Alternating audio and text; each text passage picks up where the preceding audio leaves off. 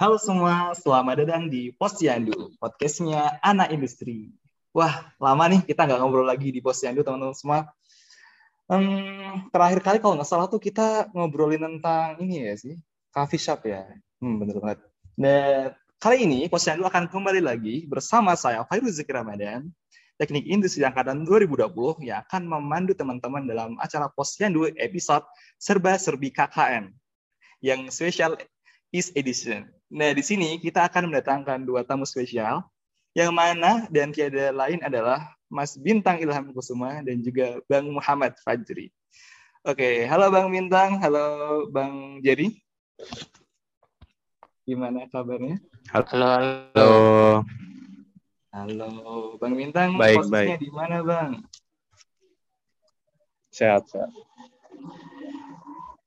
Ditanya posisi Lagi loh, Bang. di kampus. Nunggu hujan. Oke, di kampus nih, di kampus. Di kampus. Kalau Mas Jerry di mana, Mas? Aku di kosan, di kosan. Oh, di kosan. Posisi di kosannya di Di Jakarta. Oh, Jakarta. Oh, ya sedang KP ceritanya. ya? Yo, Boleh di kalau boleh tahu di mana tuh KP-nya tuh? di ini yang lagi rame. Yang lagi rame. BUMN yang lagi rame. Yang BUMN-nya lagi rame. Pasti kemarin di demo. Hmm? Yang di Gimana? demo itu ya. Waduh, nggak mau sebut ah. Ah, ya. Cukup tahu. Cukup tahu. Ya semoga aja bisa turun sih Mas Darul. Ya. Oke. Berat badannya kan. Itu mah udah udah jadi nggak usah diturunin lagi tuh. Oke. Ini Mas Jerry, Mas Bintang, kabarnya sehat-sehat semua ya? Sehat, sehat. Sehat. Sehat, sehat. Walaupun ini kita kayaknya masih banyak ini banyak COVID kemarin sampai itu ada yang klaster teknik karena teknisi ada itu klaster di departemen sebelah. Oh iya, Oh, itu serius. iya. beneran? Tapi Iya, teknisiannya banyak, tetap jalan kan? Teknik Jalan. jalan. Hmm. Itu departemen TID gitu. Katanya ada yang positif, akhirnya ikut teknisi ada dan akhirnya klaster teknisi ada terbentuk. Aduh, aduh, ya gitu lah. Oh ya guys, ini di sini Mas Bintang sama Mas Jerry itu mereka adalah uh, industrial engineer student atau YEKMU angkatan 19. Dan yang mereka yang mana beliau-beliau ini, beliau-beliau dong. Beliau-beliau ini telah melaksanakan KKN itu di timur. Lebih tepatnya kalau Mas Jerry ini di mana Mas? Di Kecamatan Lamboya, Kabupaten Sumba Barat, NTT. Lamboya, Sumba Barat, NTT. Wah, gila sih, nggak sabar nih ceritanya Mas Jer, kayaknya bakal asik deh. Kalau Mas Bintang gimana Mas? Kalau aku di Kecamatan Hoat Sorbay, Kabupaten Maluku Tenggara. Huat Sorbai, Maluku Tenggara. Betul, betul. Jadi emang ini guys, kita karena kebetulan banyak juga dari anak-anak industri itu yang melaksanakan KKN di luar pulau. Ada contohnya nih Mas Bintang, Mas Jerry, ada juga banyak, ada yang di Sumatera, Sulawesi, bahkan di Bali. Eh, di Bali ada nggak sih di Bali? Jadi nggak Ada, sih? ada. Mas Ada, ada, ada. Bukan Ada di kok. Bali Oh. tuh Zikri. Oh, Mas Zikri. Iya, Zikri. Oh, ya. ya. Ya, oh, Mas Kenzo yang nggak jadi tuh. ya. Kenzo jadi orang Batak dulu. Yang jadi orang mata dulu. Oke. Eh, tim berdua itu mereka ka- kalah saing, kalah saing ya, kalah saing. Oke. Jadi ini teman-teman semua, kita kan kemarin udah membuka Q&A dan Mas yang kepada Q&A kita buka untuk Mas Dery dan juga Mas Bintang. Dan kita udah ini, kita udah rekap semua Q&A-nya dan kita akan sampaikan apa sih pesan-pesan atau apa ya istilahnya kayak pertanyaan-pertanyaan yang mungkin muncul dari para dari teman-teman semua yang nggak sabar teman-teman dengar dari kedua narasumber yang hebat-hebat kita pada hari ini pada episode kali ini.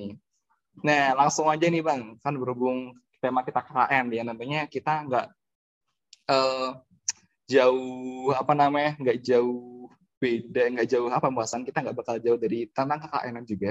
Mungkin bisa cerita dulu dong dari Mas Fajri lah ya Mas Jerry Diceritain dong Mas, di sana KKN di Lamboya, Sumatera Barat, Sumba Barat, sorry, di Lamboya, Sumba Barat, itu gimana Mas? Dari apa istilahnya? Hmm, kesannya dulu deh kesannya.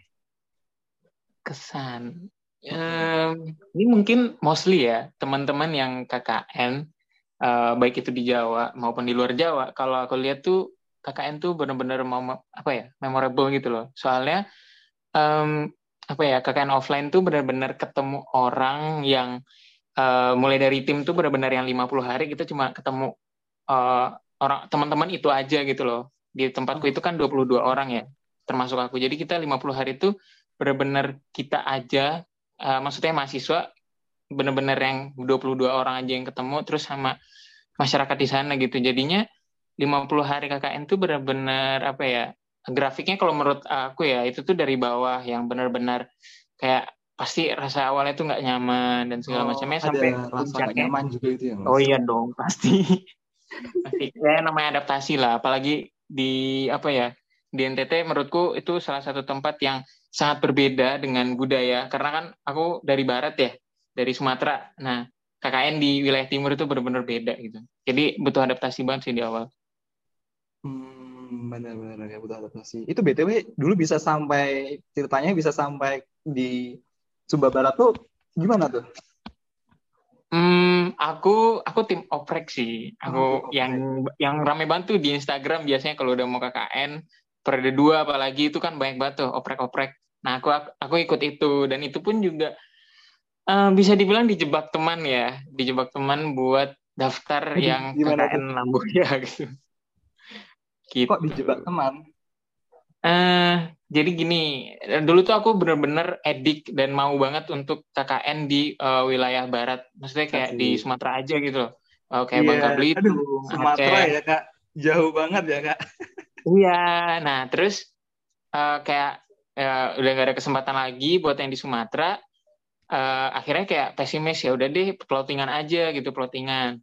Nah terus ada nih temanku yang udah KKN periode 4 sebelumnya di tahun 2021 itu dia bilang, oh Cer, lu jangan plottingan Jer, serius. Mending lu ikut yang oprek aja gitu. Pokoknya dia cerita ya sedih senangnya yang apa yang ringan itu menurut dia ya menurut dia. Aku percaya gitu. Akhirnya aku kayak takut dan segala macamnya kayak duh kayak gue juga harus oprek aja deh gitu. Ya udah akhirnya apa ya dia tuh nakut-nakutin tapi sambil ngasih ini uh, poster Cilamboya ini gitu. Ya udah Jer ini Oh. ada nih yang masih buka daftar Jadi, aja. Kayak Jadi kayak- gitu ya, datang bener aku tuh nggak terpuruk-puruknya bawa solusi gitu, meyakinkan sekali. Iya, nah tapi uh, uh, nah minusnya itu aku nggak lihat kayak background dari NTT Sumba apa Lamboya itu bener aku lihat langsung daftar aja. terus waktu keterima oke gue keterima di mana nih Ya, lah gue kayak gini gitu tapi ya it's okay akhirnya have fun gitu Oh, singkatnya gitu singkatnya gitu. Tapi intinya juga nggak mengecewakan gitu ya, not bad lah ya. Keren-keren. Kalau aku, eh, kalau dari aku sendiri, aku itu pengusul. Jadi aku Oh, termasuk yang orang yang buka oprek.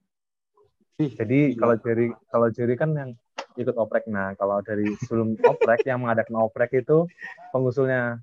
kastanya beda ya. Enggak, enggak kok. Cuma kalau keren pengusul itu cuma cuma di awal doang. Jadi kalau kalau pengusul cuma ngadain oprek, nah pas sudah lengkap nih misal 30 orang dalam satu tim ya udah jadi kastanya sama-sama aja. Maksudnya jadi setara oke. gitu.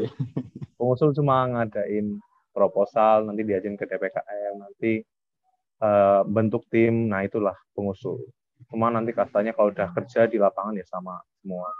Hmm, kalau dulu pengusung tuh dari sebelumnya sudah ada yang di Hot Survey itu atau emang bener-bener baru di tempatnya Mas Bintang ini? Oh, kalau di tempatku tuh sebelumnya sebenarnya udah ada, tapi di beda lokasi. Kalau dulu tuh kalau kalian tahu, dulu tuh aku tim KKN-nya eh, ngelanjutin dari Mas Askor. Kamu tau Mas Askor nggak? Yoi, ketua Nah, kita periode sebelumnya. Pasti tahu kan? Nah, jadi kalau Mas Askor tuh di Manyu, kalau terus eh, timnya ngelanjutin di Hoat Sorbai, itu di lokasiku. Hmm, I see, I see. Meneruskan. Berarti itu kalau gitu tuh prosedurnya itu ini sekalian bahas tentang prosedur ini ya pengusulnya bakal asik nih. Kalau gitu tuh prosedurnya mau meneruskan proker sebelum atau KKN sebelumnya itu gimana mas kalau kita tahu? Kalau dari aku sih uh, awalnya di chat Askor langsung. Jadi kayak direkomendasikan Askor buat lanjutin KKN di situ. Terus aku di chat dosen pembimbing lapangannya buat bikin tim gitu jadi ada sembilan orang pengusul dari beberapa fakultas.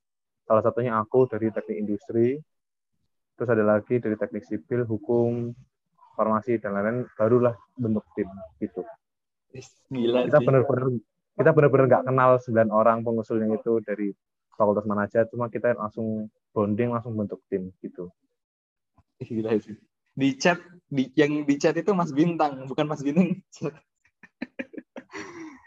nggak tiba-tiba aku kayak lagi sore-sore lagi main laptop tiba-tiba ditelepon Askor. Bilang oh, iya. kamu mau lanjutin mau KKN di mana? Udah dapetin belum? Belum. Terus ditawarin ditawarin KKN di coba deh kamu searching Maluku Tenggara. Nah itu langsung disuruh. Iya. disuruh gabung KKN situ. Tapi bukannya ini btw pengusung atau pengusul ya? Pengusul pakai L. Oh pengusul. Oke okay, pengusul. Bukannya yeah. untuk jadi pengusul tuh butuh relatif waktu yang cukup lama gitu gak sih mas? Iya, dulu aku di telepon itu sekitar bulan Desember dan kita baru oprek Januari. Oh. Jadi aku udah gabung tim udah lumayan lama sih enam bulan gitu.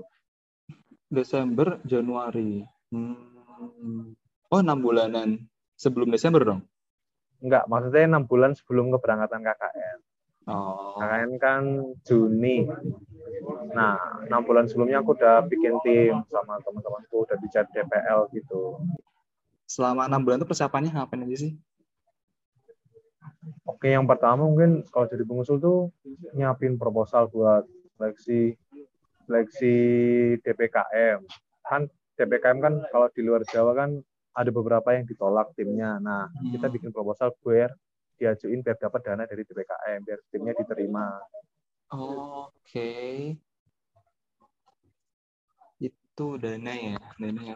Terus ya terus habis itu kalau udah udah disetujui buat KKN di luar Jawa, terus kita bikin tim, terus nyiapin brokernya, ya udah. Kok ada mungkin ada yang ntar survei lapangan, ada yang ke sana duluan atau gimana gitu, tergantung timnya sendiri sih nggak ada nggak ada prosedur paten dari DPKM. Hmm. BTW ngomong-ngomong tentang dana tadi dari MBKM ya? DBKM bukan oh, MBKM. Sorry. Pikiran mau ke mana juga? Ini gak ada DBKM apa itu. DBKM itu Departemen Pengabdian kepada Masyarakat. Itu kantornya yang di dekat KSP itu. Hmm, departemen nggak ada mas. Okay. Bukan departemen nggak sih? Eh apa sih? Cer, aku juga lupa. Iwan. Oh, direktorat. Astaga, direktorat ya beda gitu kan. Direktorat. direktorat atau departemen itu lah. Aku hmm. lupa. Sorry Kai.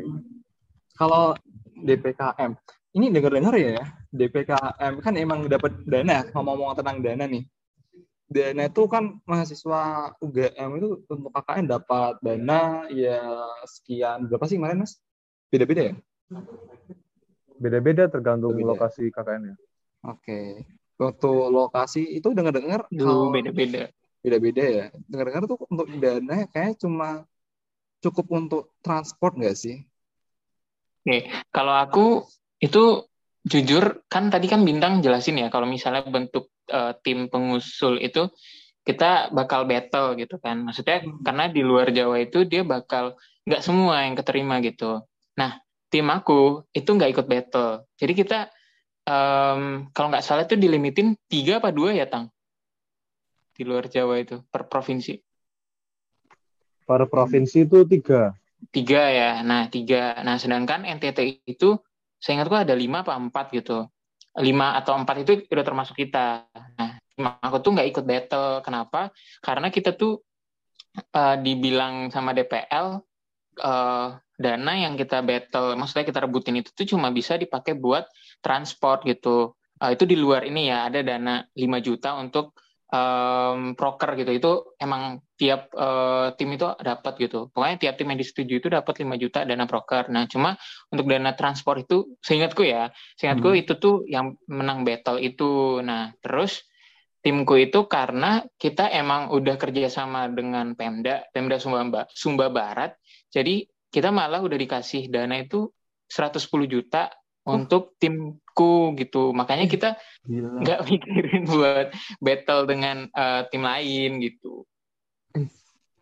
Oh, gila gila sih. Dapat dana dari Pemda? Dari Pemda. Uh, karena emang timku itu pun dibentuk juga karena usul Pemda kayaknya ya. Eh ya, di luar ini ya, aku juga nggak tahu sih backstory full dari tim pengusulku. Ya pastinya sama-sama mencari gitu. Jadi kayak DPL ku mencari dan uh, si tim pengusulku ini juga mencari dan ketemulah gitu. Ternyata emang udah ada dana nih dari Pemda gitu 110 juta untuk uh, eh, KKN UGM gitu. Tapi itu kita dibatasin cuman untuk 22 orang dan hanya untuk transport. Berarti kan satu orang tuh 5 juta gitu. Jadi 5 juta itu masing-masing orang buat transport aja.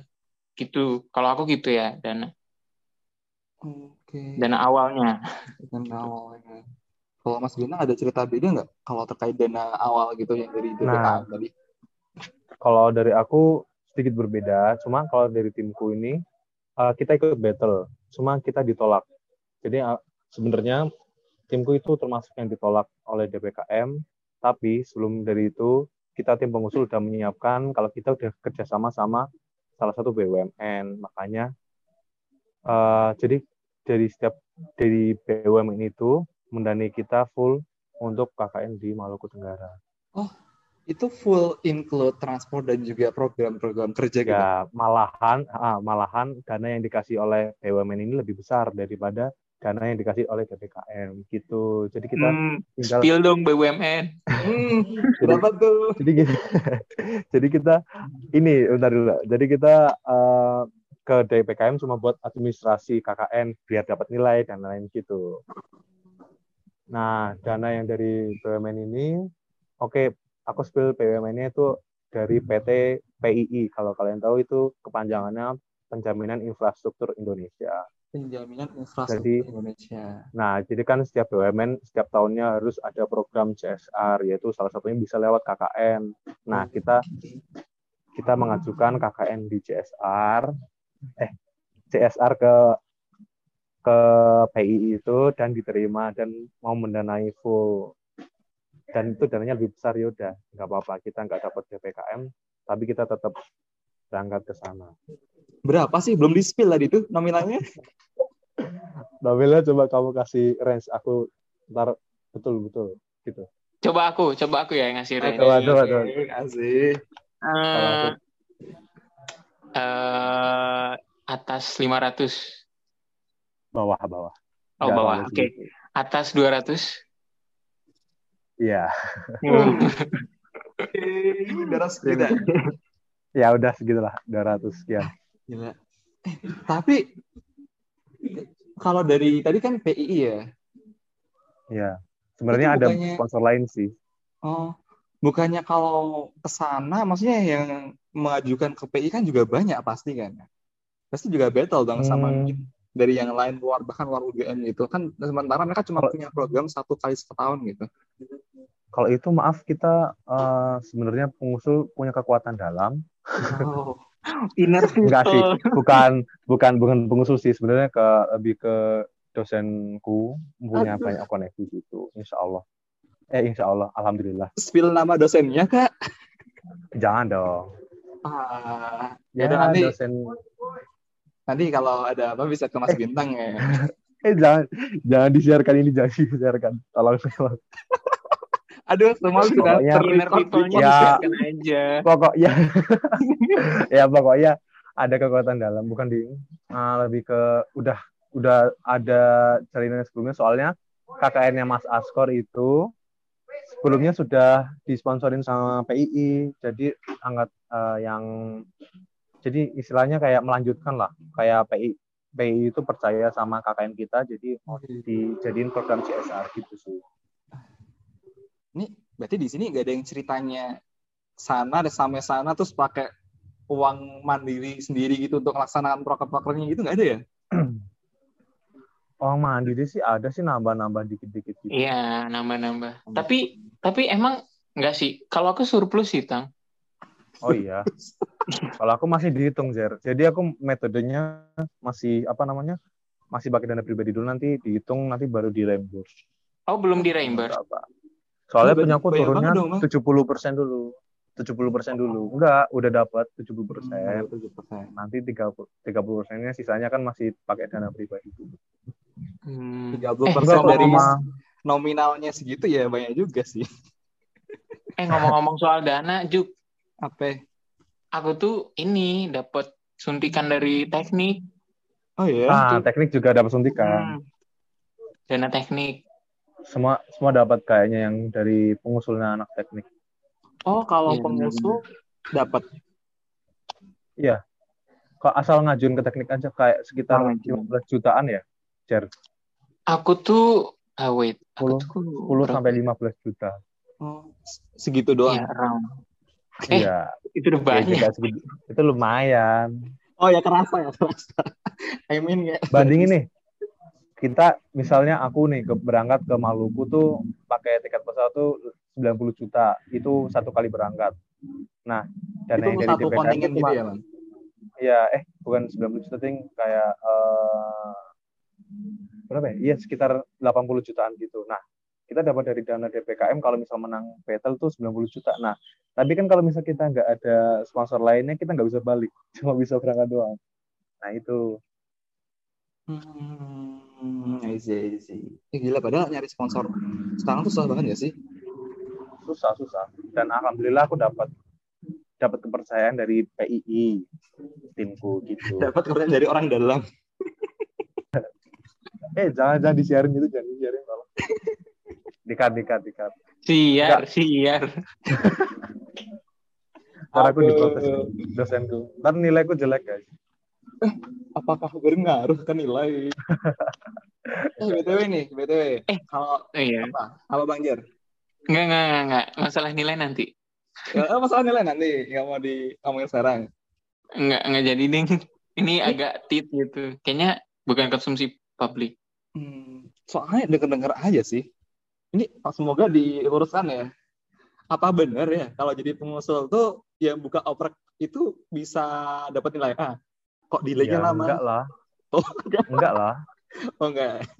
Kalau A, kalau masalah nilai tuh aku dikasih tahu dosenku tuh ini. Jadi eh, kalau dosen tuh kalau dosennya baik, pasti dosen semua ngasih nilai semua mahasiswa A. Ini bukan bukan rahasia ya. Terus Oh, Nah, iya. masalah penilaian itu dari DPKM sendiri. Jadi yang nilai kan nanti sistem dari si masternya. Nah, itu mungkin nilainya dari situ. Walaupun dosen kamu ngasih A, tapi kalau dari sistem bisa aja jadi amin atau A, upper B atau bahkan mungkin bisa jelek juga. Gitu. Ya, ini bukan Jadi- rahasia guys, bukan rahasia guys. Jadi Ah, baikin dosen jadi- itu ya penting juga itu. Penting juga walaupun uh, sebenarnya yang ngasih ngasih nilai uh, sebagian besar itu dari DPKM sih penilaian sistemnya.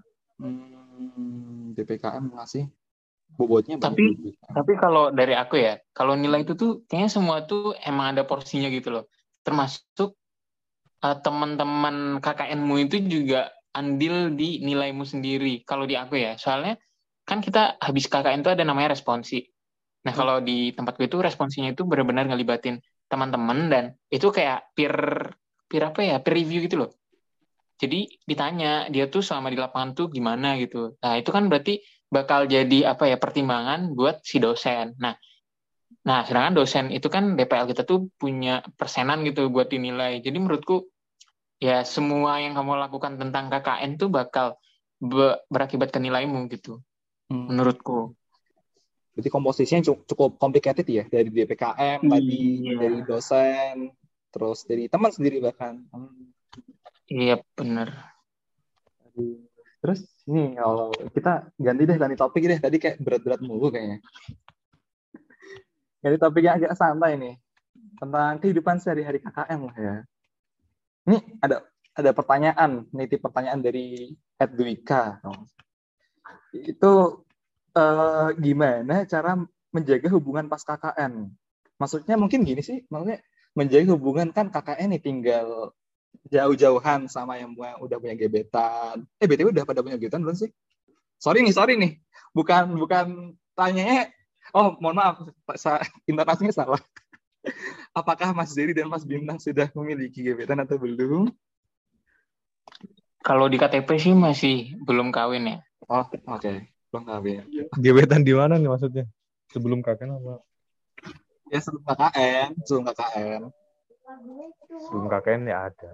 Kok ada? Nah, pas banget. Orangnya ada. Selamat kepada saudara Dwika. Pertanyaan Anda terta uh, tertuju pada Maksudnya orang gimana nih? Jadi gimana Mas Bintang ini tips-tipsnya nih ya? Menjaga hubungan Waduh. Iya, kan LDR-nya cukup panjang. Lima puluh lima puluh hari, lima puluh lima puluh hari kan? Tips jaga itu ya komunikasi lah. Oh komunikasi. Coba jangan deh, aku nggak mau jawab deh, Jerry aja yang jawab.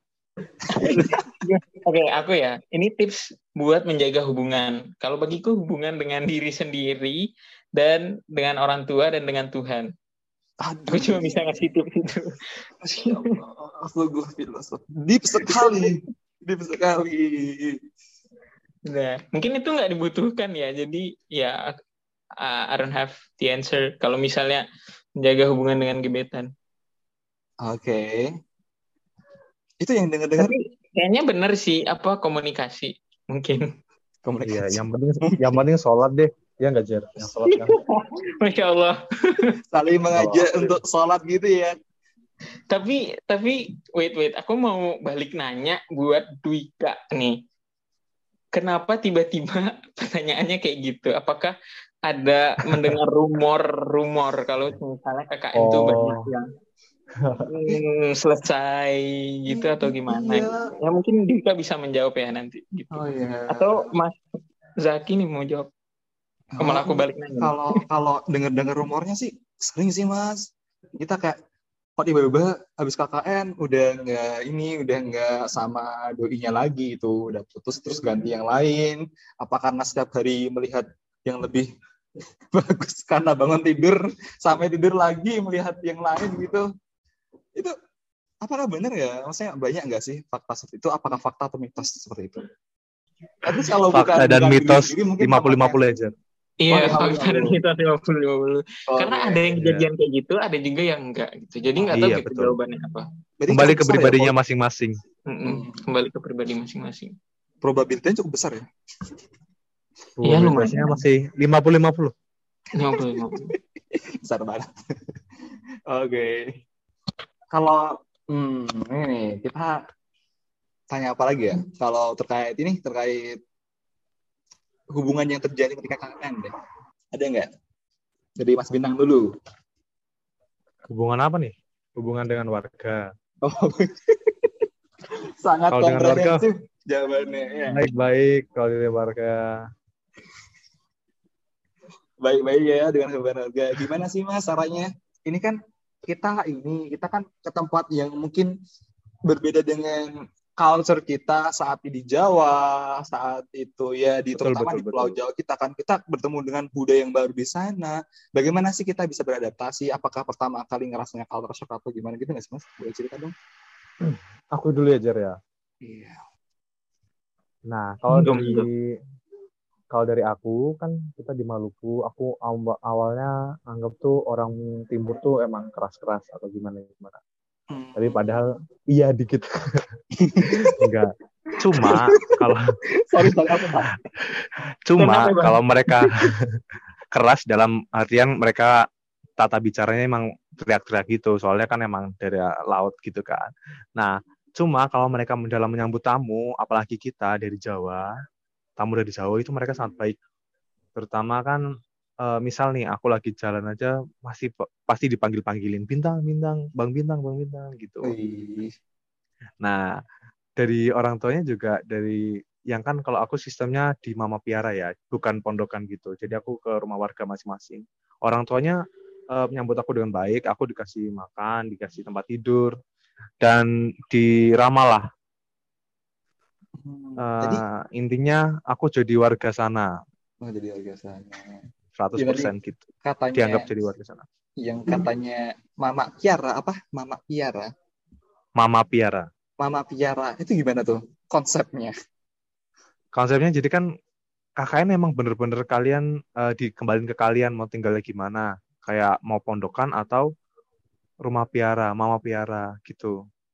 Jadi kalau rumah piara, kalian ditempatin di salah satu rumah warga, itu bisa dua orang atau satu orang atau dua orang gitu. Jadi kalian jadi keluarga mereka, jadi anak piara mereka. Oh, jadi Kalian jadi punya mama dan papa baru. Terus kalau pondokan ya bisa bisa Kalian minta kalau jadi- sangu ya, bisa minta sangu ke mama-mama baru. boleh boleh. Nanti kalau di pondokan kalian jadi satu tim, jadi satu rumah gitu. Kalau di pondokan. Kalau jadi gimana Jar? Kamu pondokan apa? Ini Jar. Iya. Hmm, aku pondokan. Oh. Kalau aku kita berdua-dua itu ya tapi di tempatku dipisah cowok cewek jadi konsepnya agak aki ukti gitu jadi dipisah Halal brother. 11 orang cowok 11 orang cewek Sebelas orang cowok, sebelas orang cewek. Itu kalau boleh dari plus minusnya apa sih mas? Kalau kan itu juga pilihan kita kan besok mau jadi oh untuk khususnya di luar Jawa ya. Itu mau jadi itu pilihan kita. Itu plus minusnya apa sih mas? Dari mau piara sama pondokan gitu. Jadi kalau kalau rumah piara plus minusnya itu yang pertama plusnya tuh kita dapat keluarga baru yang pertama. Jadi kita waktu udah pulang sampai aku udah di Jogja pun kita masih saling eh, hubungan gitu loh kayak bintang wisuda kapan, bintang Iya. gimana kuliahnya gitu. Kita jadi kayak punya mama piara baru, eh mama mama papa baru. Terus kalau misal di rumah piara tuh ya kita seperti anak mereka lah. Jadi kalau pulangnya malam dicariin, kalau kegiatan-kegiatan apa pun dicariin gitu. Bintang udah Jadi kayak pulang belum? Bintang bintang, udah iya bintang udah makan belum? Bintang udah kapan? Bintang skripsinya apa? Gitu. Oh gitu. Bintang dosen ya enggak lah. Iya, ya enggak lah. So bintang pulangnya kapan? Nanti jam pulang jam berapa gitu. Di jadi ada orang tua baru yang menggantikan gitu. Perhatiannya makin banyak Tuh. nih, makin diperhatikan Ya. orang nih. Dapat afeksi lah. Dari sisi tadi yang mau piara itu mau piara. Ya mau piara itu sisi apa namanya mungkin yang kurang meng- kurang enaknya itu apa? Kalau Mas Oh ini masih pertanyaan buat aku harusnya. Iya, Mas. Iya, bang kekurangannya Ah, Bang. kekurangan rumah piara ini kurangnya apa ya? Mungkin eh, kalau yang aku lihat kalau yang di pondokan tuh teman-teman yang di pondokan tuh emang bonding banget sama timnya. Cuma aku juga Oh. bonding. Kita jadi kalau rumah piara tuh cuma buat tempat tidur doang, tapi kita tetap ngumpulnya di sekre gitu. Cuma kalau yang pondokan emang mereka hidup bareng-bareng kan, masak sendiri, tidur bareng-bareng gitu. Itu yang potensi jadi cinlok itu ya? Maybe ya, nggak tahu. Coba Jerry. Tapi kan kalau yang pondokan pondokan bi- biasanya kan laki-laki perempuan kan dipisah. kalau aku kalau satu pondokanku yang cinlok agak ngeri ya bang gimana tuh? tidak Iya lazim di dong, ngeri Indonesia. iya kan cowok semua nah, 11 orang oh, cowok oh Iya. iya iya, oh iya. Oke, kalau pondokan itu menurutku kelebihannya eh kalau kata teman-temanku ya banyak banget skill unlock gitu loh. Maksudnya Wow. kayak yang dibilang bintang kan kalau misal pondokan gitu kita benar-benar semuanya sendiri ya. Eh, apalagi kalau di aku di Sumba itu kita jauh itu lumayan jauh dari rumah warga. Jadi kita mau minta tolong ke warga juga agak eh, segen dan jauh kan. Jadi mau nggak mau tuh kita sendiri. Itu mulai dari masak pakai kayu bakar sendiri, terus nyari kayu bakarnya juga pernah itu kita sendiri, pernah juga beli tapi malah dipalakin. Terus eh, motong ayam sendiri, eh, benar-benar yang dari kulit eh, apa ayam hidup sampai benar-benar jadi hmm, konsumsi kita itu benar-benar sendiri gitu. Ya pokoknya itu serba sendiri dan akhirnya tuh kan kayak apa ya kalau teman-temanku tuh bilang jadi skill unlock gitu loh kayak dia sebelumnya nggak pernah kayak gitu jadi pernah kayak kayak gitu lumayan gitu Oke, ini namanya Terus juga- unlock gitu ya. Terus- pulang-pulang ke Jogja Ya, itu oh. bawa ilmu motong ayam dari nguliti sampai. lumayan rencana mau buka ini sih usaha ayam potong Oh, boleh. lumayan tuh profitnya terus sama ini sih kalau aku ngelihat ini kalau ini dari segi KKN secara KKN administrasinya ya itu lebih uh, enak buat koordinasi sih. Soalnya ada beberapa proker yang emang um, ya mungkin nanti ini mungkin bahasanya berat ya kalau sekarang kayak interdisiplin gitu. Nah itu untuk koordinasinya jadi lebih gampang karena kita emang satu uh, pondokan dan ya udah kita tinggal kalau mau diskusi langsung aja gitu mau sambil tiduran kah atau ngapain itu bisa gitu itu itu kelebihannya sambil sleep talk Mas, jadi sebelum tidur kalian kalian sebelum tidur bahas proker dulu iya bener bener bener maksudnya itu maksudnya itu ya apalagi sih Oh. Sama nggak ada jam malam, nggak ada jam ah. malam. Kalau bintang kan mungkin dicariin ya, misalnya kayak udah jam satu dicariin. Iya. Kalau kita cuma dicariin doang sih. Oh dicari disuruh pulang. Tapi ada loh temenku yang sampai hijewer gitu, kayak udah pulang. Oh serius? iya ada.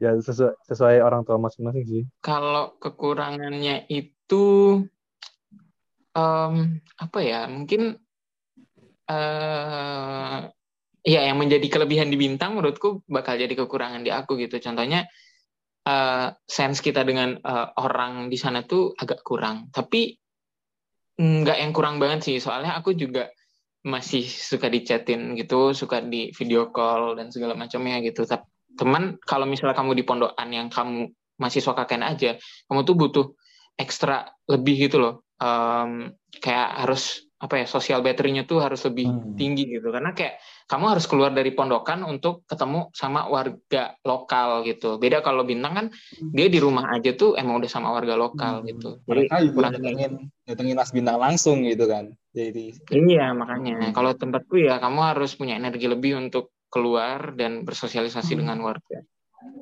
hmm. ini guys ternyata banyak sekali sisi positif maupun ya kekurangan baik itu kelebihan dan kekurangan dari pondokan maupun uh, rumah piaran tadi ya. Silakan teman-teman oh, YouTube. Nambahin, nambahin, nambahin. Apa? Ini aku nggak tahu ya, ini kelebihan atau kekurangan. Cuma kalau di pondokan tuh uh, kayaknya ya, ya itu ada drama pasti. Hmm, drama. Hmm. ya itu pasti tadi ya. Iya, mulai drama saya di KKN ku nggak ada yang cinlok sih. Oh nggak ada. Nggak ada. Ya nggak asik ah. Waduh. Canda cinlok kagak tapi nikah iya. Waduh. Waduh berat. Kenapa bisa sedih ini? Terus nikahnya pakai adat mana? enggak, enggak, enggak, canda, canda. Lanjut, lanjut. Eh, itu jangan di-sharing. Jadi guys, silakan nanti kembali ke teman-teman sendiri. Gimana teman-teman pendengar posyandu yang berbahagia di sana memilih apakah besok mau ke rumah piaran atau ke pondokan. Itu dengan masing-masing punya kelebihan dan kekurangan masing-masing. Dan akhirnya ya tetap tetap worth it lah. Nah, gitu. Oke mungkin berikutnya kita ganti topik nih. Hmm, apa ya? Mas Jerry atau Mas Gina mau cerita itu apa kayak something menarik di sana gitu ya? Mungkin ya kita masih culture ya. Ya mungkin nggak didapatkan ketika kita di Jawa gitu.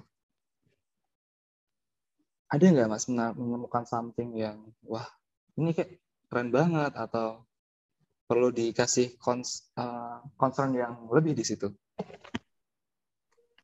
Mungkin kalau dari aku kayak ada satu culture yang di sana tuh yang udah nggak ada di sini jarang ada di sini tuh gotong royong. Okay. jadi di sana tuh itu kalau misal kita kalau kalau tempat aku ngadain broker kayak misalnya bangun apa itu namanya gapura tuh langsung semuanya tuh datang gitu jadi wow. mereka di sana masih gotong royong itu masih sangat tinggi jadi kalau misalnya ada yang bangun rumah atau ada acara hajat tentu satu kampung bantuin semua gitu Gila, sudah desa bantuin semua. Panser ireng ya. Aduh, enggak. Eh, keren sih itu gotong royong ya itu soal hmm, emang kita kayak di Jogja terutama ya di kota-kota tuh awareness kita terhadap lingkungan kita satu sama lain bahkan tetangga itu kayak bahkan mungkin yang satu kosan dengan kosan yang sama tuh nggak begitu aware nggak sih? Ya nggak sih? Ya dikit-dikit lah. Ya dikit-dikit. Ya gotong royong. Menarik. Kalau dari mas jadi dengan mas yang nggak ada um, mungkin hampir dari di Jawa. Ini aku nggak tahu ini apakah sebuah culture atau enggak. Cuman kayak di sana itu di Sumba ya di Sumba Barat tempatku itu benar-benar um, mereka itu ngejalanin hidup tuh tanpa beban. I don't know. Maksudnya itu bukan culture, cuman itu lebih ke pembawaan ya. Mereka itu benar-benar nggak mikirin, ya mereka pasti mikirin hidup mereka. Cuman kayak beda gitu loh. Kamu eh sewaktu di Jogja ketemu orang tuh kayak ngelihat orang ini orang banyak pikiran gitu gitu. Kalau misalnya di Sumba ngelihat warlock tuh kayak bangun terus uh, nyeduh kopi ngerokok nyantai udah terus habis itu selesai ke sawah sampai sampai sore dan segala macamnya pulang terus di rumah ngobrol-ngobrol udah tidur repeat kayak ah enak banget gitu jadi menurutku lebih ke apa ya kayak hmm, nggak usah terlalu dipikirin gitu loh semua. Maksudnya culture apa ya mungkin culture squeeze squeeze living gitu kali ya kayak hidup santai kayak gitu. Ya aku merindukan itu sih sebenarnya gitu. Jadi menurutku itu yang benar-benar uh, bikin kangen di, di sana gitu. Nah di sini kayak pressure-nya banyak banget. Begitu balik Jogja langsung banyak pikiran gitu. Lumayan iya hidup santai. Itu kalau budaya budaya budaya kayak gotong royong terus mereka rame-rame gitu ya sama sih di tempatku juga ada. Karena kalau wilayah timur tuh memang terkenal kan orangnya ya sangat kekeluargaan antar mereka itu kuat banget gitu.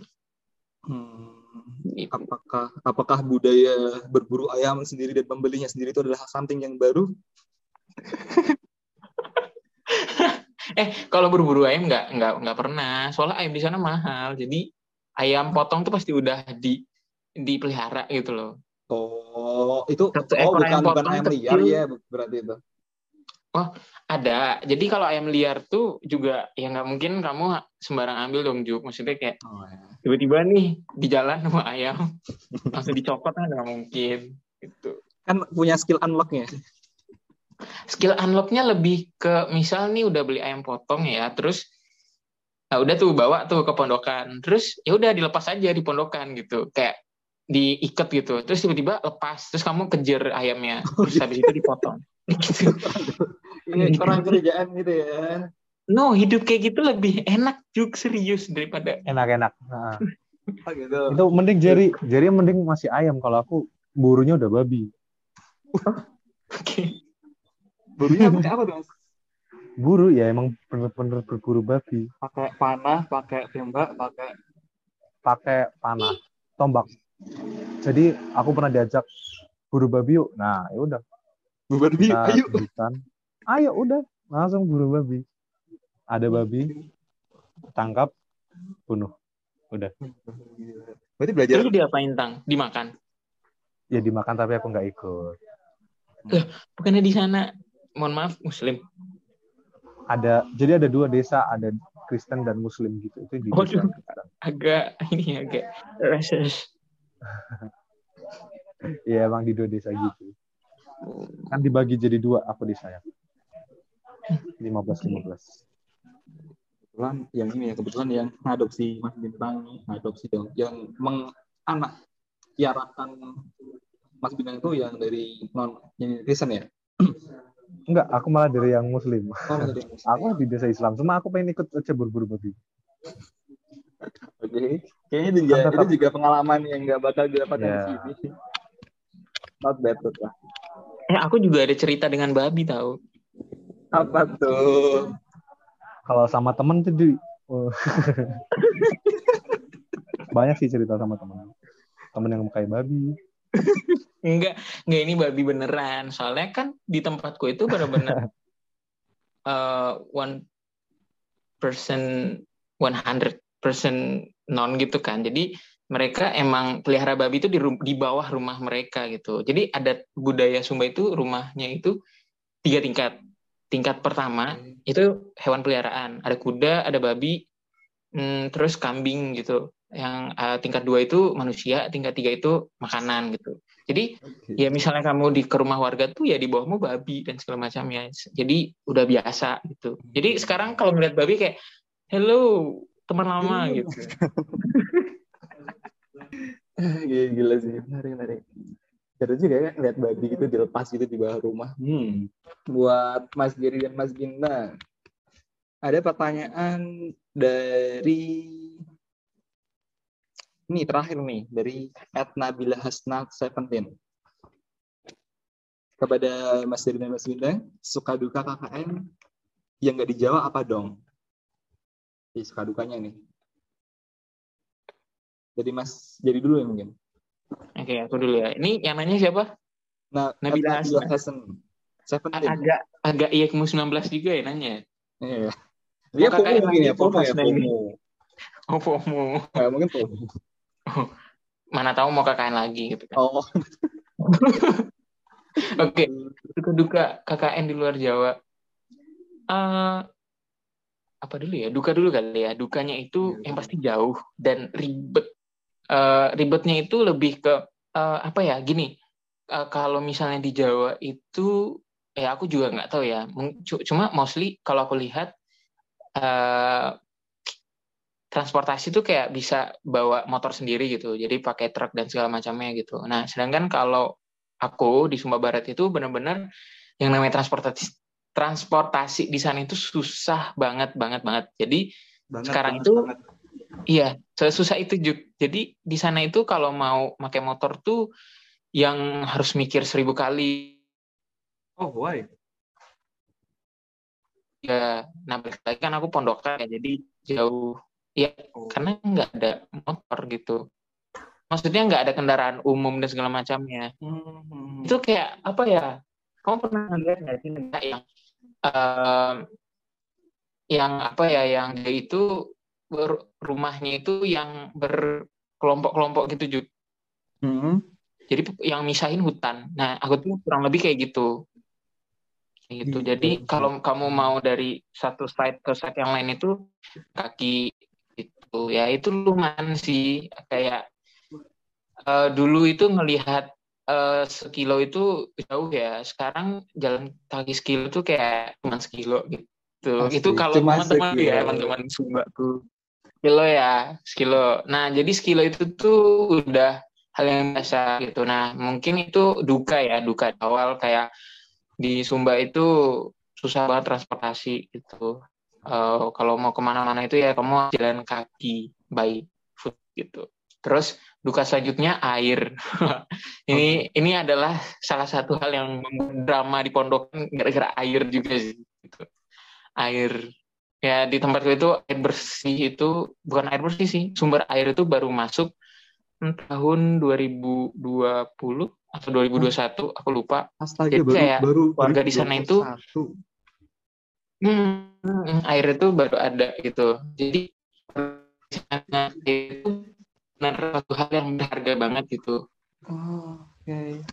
Air. Nah, jadi beda banget sama kita yang air itu tuh udah hal yang biasa banget. Kayak ngelihat air berlimpah tuh udah biasa gitu. Jadinya kalau di sana itu kita kalau mau ada air itu benar-benar yang harus ngambil dari sumur tapi nggak nimba sih pakai eh, selang pipa gitu tapi kita harus yang eh, apa yang narik narikin apa selangnya itu manual Hmm. ke tandon kita gitu jadi kayak tandon itu diisi secara berkala benar-benar berkala sih satu kali dalam dua hari bayangin Itu untuk ini, untuk mandi dan sebagainya, bahkan kayak Iya, semuanya, wudhu dan sebagainya. semuanya.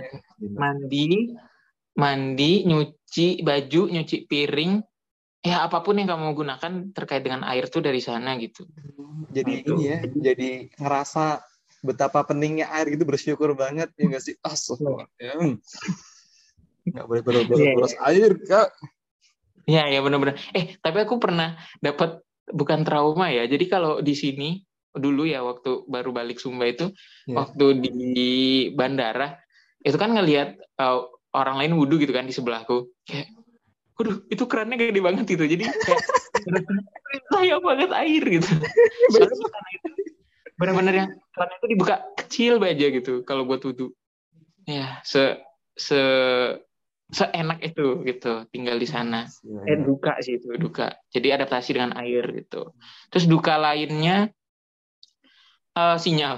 Nah, itu sinyal tapi kalau sinyal sih semua wilayah KKN tuh harusnya sinyal bermasalah sih gitu. Karena kan emang wilayah KKN Hmm. itu Ya, logis, logis. nah gitu. Terus habis itu dukanya nggak ada sih Ada, itu Mas, aja sih ada tempat KKN yang sinyal nggak bermasalah. gimana Tempatnya Mas Ragil di Bandul. No comment. itu tempat base campnya di kafe, tolong ya. Eh, sama ini Arya, tahu kan Arya Arya Wijna? Ah, iya, iya. Kenapa? Itu dia KKN-nya di ini di Karangwaru, tahu nggak Karangwaru? Kamar mana ya? Aduh, Karangwaru tuh deket Sleman, pokoknya Sleman, tapi deket ini juga deket eh, apa? Monjali Ah, asramaku. Di situ dong. itu GoFood di mana-mana ada setiap butuh makan. Oh, sama dukanya itu juga makanan juga gitu. Ah, iya, makanan. Pasti nyoba makanan yang di lidah mungkin belum biasa gitu ya, Bang? Iya, eh, eh, sebenarnya banyak sih ya yang cerita tentang makanan, tapi ya cukup eh, judulnya aja, pokoknya dukanya masalah makanan gitu. Makanan. Kalau mau tahu cari aja sendiri. Nanti boleh dong ya, kayak menu-menunya apa aja dikasih ke aku ya. Kalau menu, kalau orang sana tuh toleransinya tinggi banget ya. Jadi kalau misalnya kita muslim tuh ditanyain, "Eh, muslim iya, terus ya udah kita tuh dikasihnya ayam. Terus juga ayam itu yang motong kita sendiri. Atau kayak kita dikasihnya sayur-sayuran doang gitu. Tapi kalau misalnya mereka lagi masak babi atau anjing gitu, ya kalau kamu non muslim ditawarin. gitu. Hmm. Oh, aku tahu sekarang alasan kenapa motong ayam sendiri karena itu. Soalnya mau nggak mau motong ayam harus pakai ini dengan lafal basmalah. Iya pasti benar-benar. Asyara. Itu, Itu, itu dukanya semua gak sih tadi belum sukanya? Oh, duka. Oke, dukanya sukanya. Oke, ini aku nggak tahu ya ini tuh sukanya itu eh bolehkah ini menjadi suka atau enggak, tapi kalau KKN di wilayah timur itu eh, wilayahnya tuh indah banget gitu. Jadi kayak Oke. view-nya tuh bagus banget. Yang kayak bangun tidur aja tuh sunrise-nya tuh udah bagus gitu. Nah, itu Wih. benar-benar suka ya banget sih dari aku. Terus sama ketemu orang baru yang benar-benar beda banget itu menjadi suka bagi aku. Tadi di post nggak tadi? Foto-foto yang di apa namanya di Sumba? hmm, belum. Akan ada masanya. Oke, oke guys, nanti yang kepo gimana foto-foto ini, foto-foto di Sumba, view-nya sangat indah itu bisa dikepoin di @mhdfajri. Wih, Instagramnya promosi ya itu gimana kepo-kepo gimana panorama. Sekalian juga punya aku, sekalian juga punya. Oke, Mas Bintang, kita miss you. Enggak sekalian juga maksudnya punya aku. PMTNG Kusma di situ ada highlight story tentang Maluku. Eh, buka bin BN susah banget sih. BNTG BNTNG. BNTNG Kusuma. Iya dong. Itu di highlightnya ya, Bang. Iya dong. Oke, jangan lupa follow BNTG Kusuma dan MHD Fajri. Itu bakal dapat Jadi- bakal. Malah jadi promosi Instagram nih. Kalau Mas Bintang gimana, Bang? Yang duka sukanya? Suka dulu lah. Sukanya Oke, tuh suka dulu. Iya, sama kayak Fajri. Jadi kayak di setiap di setiap sudut desa itu udah tempat wisata bagiku. Jadi kayak di ujung sini ada dermaga, di ujung desa ini ada kayak tempat buat lihat sunrise, di ujung sunset dan sunrise, terus di ujung sini buat renang-renang, buat nyebur-nyebur gitu. Pokoknya kayak healing every day. Udah kayak dreaman aja itu. Jadi terus juga tempat-tempat eh, wisatanya juga banyak. Kalau di Maluku tuh eh, aku bersyukur ada tempat eh, wisata yang katanya pasirnya itu harus nomor dua di dunia. Jadi kayak emang aku buktiin, aku buktiin sendiri. eh, jadi emang halus banget. Pasirnya itu kayak tepung terigu kalau kalian gang gitu. eh dibawa pulang nggak pasirnya Gak boleh dong. Ya. Boleh sih, boleh. kenapa nggak iya, dibawa harusnya dibawa pulang. Harusnya dibawa Iya. pulang ya? Iya. iya baru biar nyobain Oh, ya, buat buat bikin Kentucky fried chicken kali ya. Itu pantai, ini di pantai ya, Bang? Itu pantai, pasir pantai, cuma halus banget. Emang aku udah buktiin itu halus banget. Nah, itu sukanya, terus sukanya apa lagi ya? Sukanya KKN di luar Jawa tuh kita dapat pengalaman baru, dapat keluarga baru. Dan Oke. dukanya, dukanya ini mungkin dirasain semua yang di luar Jawa, jaraknya jauh. Iya. Udah itu kayak kayak kamu udah kalau misal sakit ya uh, urus sendiri, minta tolong bantuan sama teman-teman yang di sana. Nggak mungkin kan kalau kamu sakit terus pulang atau kamu kangen rumah terus langsung pulang.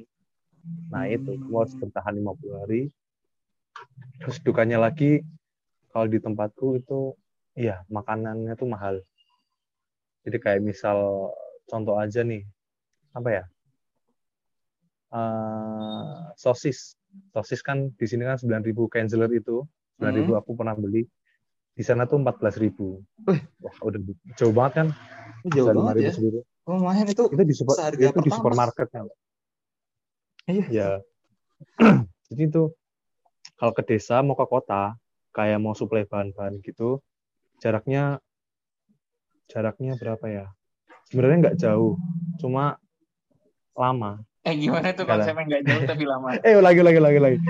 Sebenarnya kalau dari desa mau ke kota itu uh, jaraknya jauh, cuma cepet.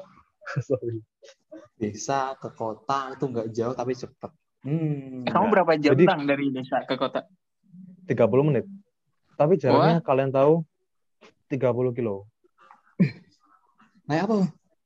Jadi kayak kamu dari kamu dari Gunung Kidul ke kota Yogyakarta itu bisa cuma 30 menit doang. Karena Jalan sangat sepi. lurus. Oh. Iya, sepi, lurus, terus samping kanan kiri cuma hutan. Iya, kecepatan 100 km per jam motor vario bisa lah bisa, ya. Bisa, bisa. Masih bisa, masih bisa. Tapi hati-hati ada babi nyebrang. Iya, hati-hati anjing atau babi anjing liar atau babi liar itu banyak masih di sana.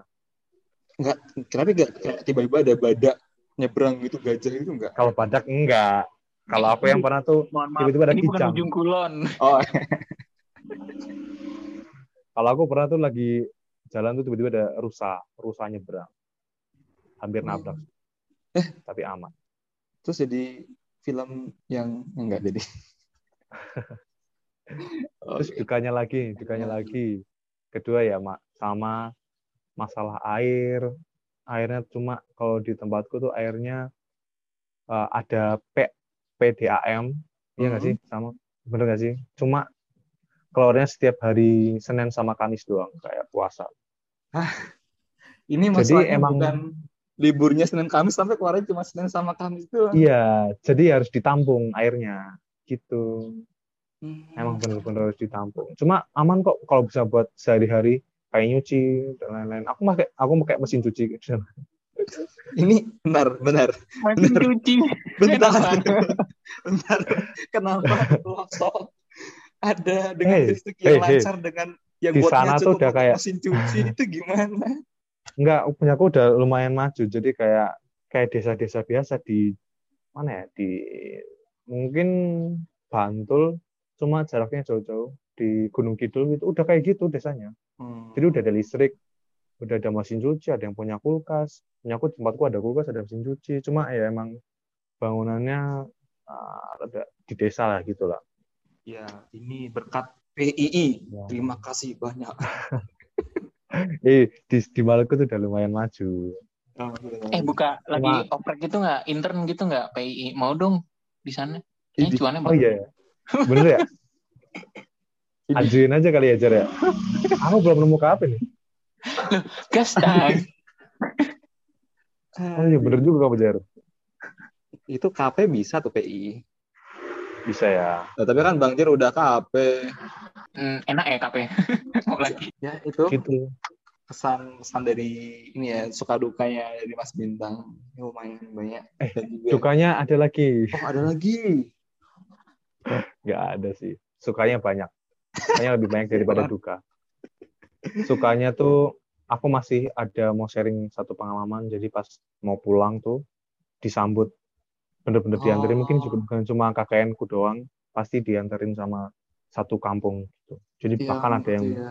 bahkan viral, ada viral di internet itu ya, di kayak sosmed Twitter.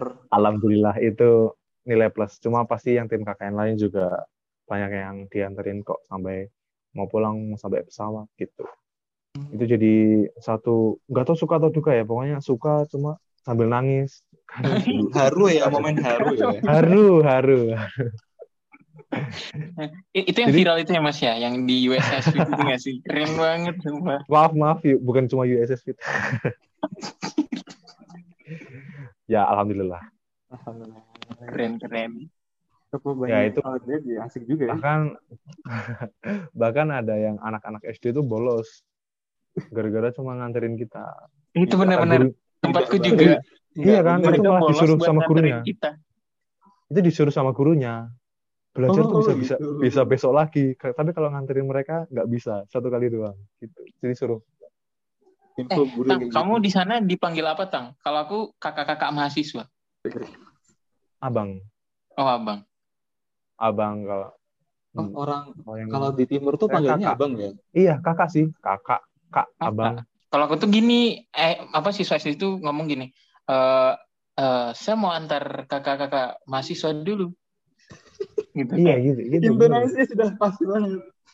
Sampai apa? beta kalau kalau aku beta Oh, beta mau beta. antar beta pun Kalau kakak ini sudah mau berangkat ya Saya, saya, saya. gitu. Oh, iya, pakai ee gitu wah keren sih. Aduh, jadi kangen. iya ya Pengen balik lagi deh. iya Aduh, kalau gitu kita besok nunggu podcast versi keduanya, episode keduanya dari Mas Bintang dan Mas Jerry untuk KKN di sana lagi. apa ini Eh, KKN-nya Oh. enggak sih. Mungkin KKN-nya lebih enggak. berkunjung aja ya. nah iya Berkunjung kalau aja. berkunjung aja Ya semoga ya Mas bisa kayak kesempatan ke sana lagi gitu kan. Ketemu sekedar sekedar ya say hi atau mau main besok gitu kan. betul betul Itu silaturahim itu nggak boleh lepas ya. Iya nggak sih Mas Jar? Betul betul Betul. Setelah he. Eh, betul ya Betul ya. Oke, sepertinya ya kita sudah berada di ujung acara ya. Gak gitu ya? Gak gitu konsepnya. iya kayak gitu sih Gak gitu. Oke. Oke teman-teman semua, itu sudah banyak sekali yang dapat kita um, simak, yang kita ambil banyak insight dari podcast kali ini. Banyak sekali yang Mas Bintang sampaikan mengenai KKN di Pat Survey tadi di Maluku Tenggara dan juga Mas Fajri itu masya Allah keren banget kakak-kakaknya mereka berdua ini. Semoga ya teman-teman dari sini kita bisa mendapatkan insight, mendapatkan oh besok gambaran gimana sih KKN kalau misalnya dapat case-nya tertarik di eh, luar Jawa terutama di timur. Nah, ini bisa tanya-tanya ke Mas Fajri atau Mas Bintang langsung. Nanti tadi ya IG-nya sudah aku spill at BNTNG Kusuma dan juga at MHD Fajri langsung di follow aja guys kepoin mereka udah oke mungkin dari Mas Bintang dan Mas Jerry ada kata penutup closing statement sedikit aja deh sedikit Oke, mungkin kalau dari aku jangan takut coba hal-hal baru. Uh, carilah pengalaman sampai ujung dunia. gitu sih. sangat sangat berat berat berat jangan takut coba hal baru Carilah pengalaman Carilah- sampai carilah pengalaman sampai ujung dunia. udah jadi quotes Quotes- Mas ini ngambilnya dari Naruto ya enggak be, ngarang doang baru Oke, thank you Mas Bintang untuk ini ya closing statementnya. Kalau dari Mas Jer, Kalau dari aku mungkin ini sih um, explore Indonesia karena Indonesia tuh luas banget, nggak yang se Jawa doang. Terus eh, semoga dengan mungkin ya suatu saat kalau teman-teman tertarik untuk di wilayah timur dan kesampaian itu benar-benar yang ngebuka apa ya sudut pandang yang lain gitu loh. Jadi tahu ternyata tuh Indonesia tuh masih ada yang kayak gini. Eh, mungkin dari hal yang ketertinggalannya tuh masih ada dan nilai plus di timur tuh juga ada gitu. Jadi explore lah Indonesia. Terus benar-benar kalau waktu KKN tuh eh, apa ya jadiin tiap momen itu berharga. Ya, karena ini pesan juga dari teman eh bukan cutting KKN ku yang di Sumba juga. Eh, apa ya lebih ke pokoknya selama KKN itu benar-benar sebisa mungkin kamu tuh live in di sana. Maksudnya emang kamu tinggal di sana tapi bawa hatimu penghayatanmu tuh full ke sana gitu. Karena balik lagi kesempatan banget buat kita bisa KKN di eh, wilayah timur itu karena balik lagi UGM keren banget eh, program KKN itu bisa ke seluruh Indonesia itu jadi kalau udah dapat di timur ya benar-benar ya udah penghayatannya tinggi banget gitu harusnya di sana dan ini eh, ini sih ini lebih ke uh, kenapa harus KKN di wilayah timur? Kenapa? Karena kapan lagi uh, apa ya? Mungkin bahasanya uh, kuliah berkedok jalan-jalan atau malah sebaliknya jalan-jalan berkedok kuliah tapi dibayarin kampus atau BUMN atau Pemda gitu. Kapan lagi? Gila, gila, keren banget. Ini udah lengkap ini dari awal intronya sampai di closingnya tuh ada ajakan gitu. Explore Indonesia, karena Indonesia itu bukan hanya Bali, eh sorry, bukan hanya Jawa. Dan bawa hati kita selalu berada kalau kita KKN di mana pun kita berada. Dan tadi ya. Ini nikmatin apa, ya. apa lagi nikmatin dana gitu. Jalan-jalan gratis. Bener, nikmatin masa-masa KKN teman-teman semua itu karena masa-masa kalian ini adalah masa-masa yang mungkin nggak bisa diulangi sekali lagi ya dan ya mungkin yang baik untuk dikenang tapi tidak enak untuk diulang gitu Oke, okay, thank you Mas Jadi, thank you Mas Bintang atas kesempatan waktu sharingnya dan juga thank you banget untuk para para pihak yang terkait dalam kakak ini kepada UGM, kepada seluruh yang para apa ya istilahnya. Thank you banget pada UGM, thank you banget pada semua yang telah mendukung KKN di kampus ini berjalan dengan lancar. Dan thank you juga pada teman-teman semua pendengar Posyandu yang senantiasa mendengar podcast kami. Dan tentunya jangan lupa untuk follow terus Instagram kami yaitu HMTUGM dan juga follow Spotify kami. Di situ kalian akan mendapatkan episode-episode terbaru dari Posyandu. Oke, di sini Feru Ramadan, izin undur diri. See you and bye.